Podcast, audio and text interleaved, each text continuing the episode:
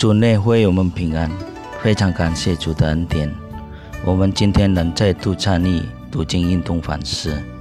读经运动反思之前，请阅读本日读经运动的经文和请阅读本日读经运动的短诗。各位主内弟兄姐妹，大家好，大家平安，欢迎大家来收看和收听今天的读经运动反思。在我们开始之前，我希望大家已经读过今天的经文。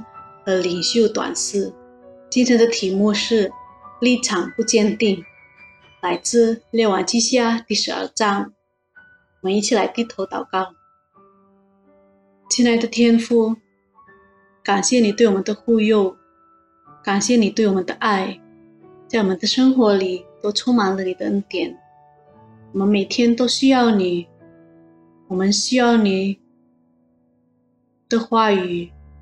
求你来充满我们，好让我们能明白你的心意。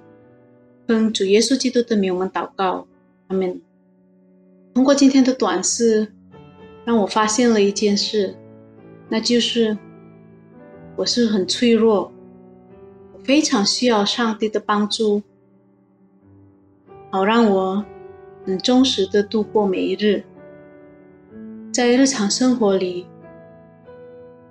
我往往也会像亚士那样，当亚士还在耶和耶大的影响和指导下，亚士是一位忠于上帝的王。他行了耶和华眼中看为正的事，他甚至也非常期盼能为上帝修建殿中的破损这件事。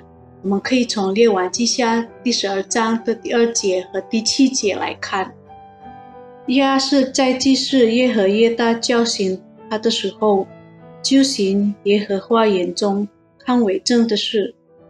第七节，所以亚士王召了大祭司耶和耶大和众祭司来，对他们说：“你们怎么不修理殿的破损之处呢？从今以后。”你们不要从所认识的人再收银子了，要将所收的交出来，修理殿的破坏之处。然而，当耶和耶大去世之后，亚斯就再也不忠于上帝了。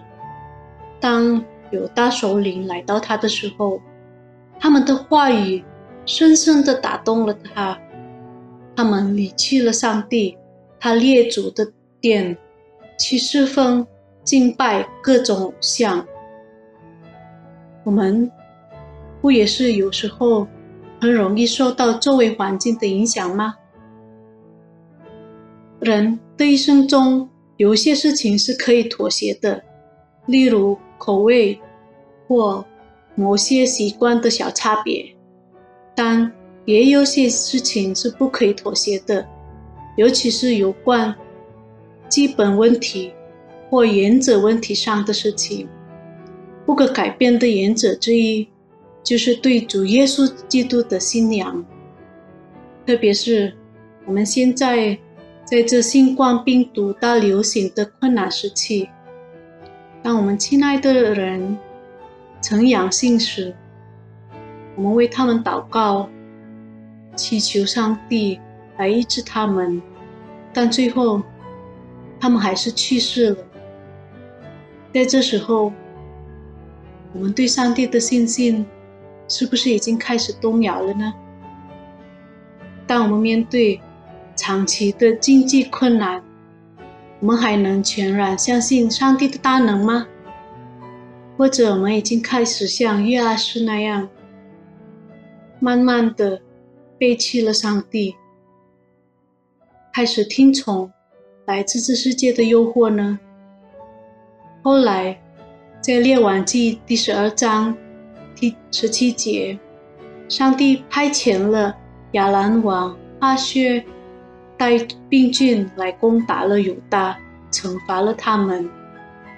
最终，在耶路撒冷统治了四十年之后，亚述王也被他的臣仆杀死。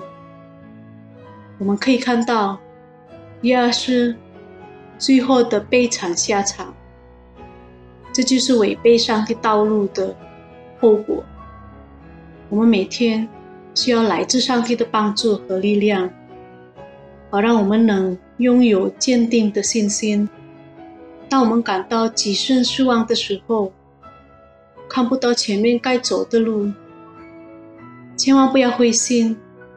神经鼓励我们，不要依靠自己的力量，反倒要持续相信上帝和他的允许。务要坚固，不可动摇。加油！愿主与我们同在。慈爱的上帝。在我们面对困难和失望的时候，谢谢你总是在我们的身边。求你教导我们，每时每刻都能信靠你，不容易被外面的情况动摇。无论是顺境或逆境，我们都我们都能全然相信你的大能和美意。奉主耶稣基督的名，我们祷告，阿门。各位主内弟兄姐妹。我们今天就到这儿，下次见，谢谢。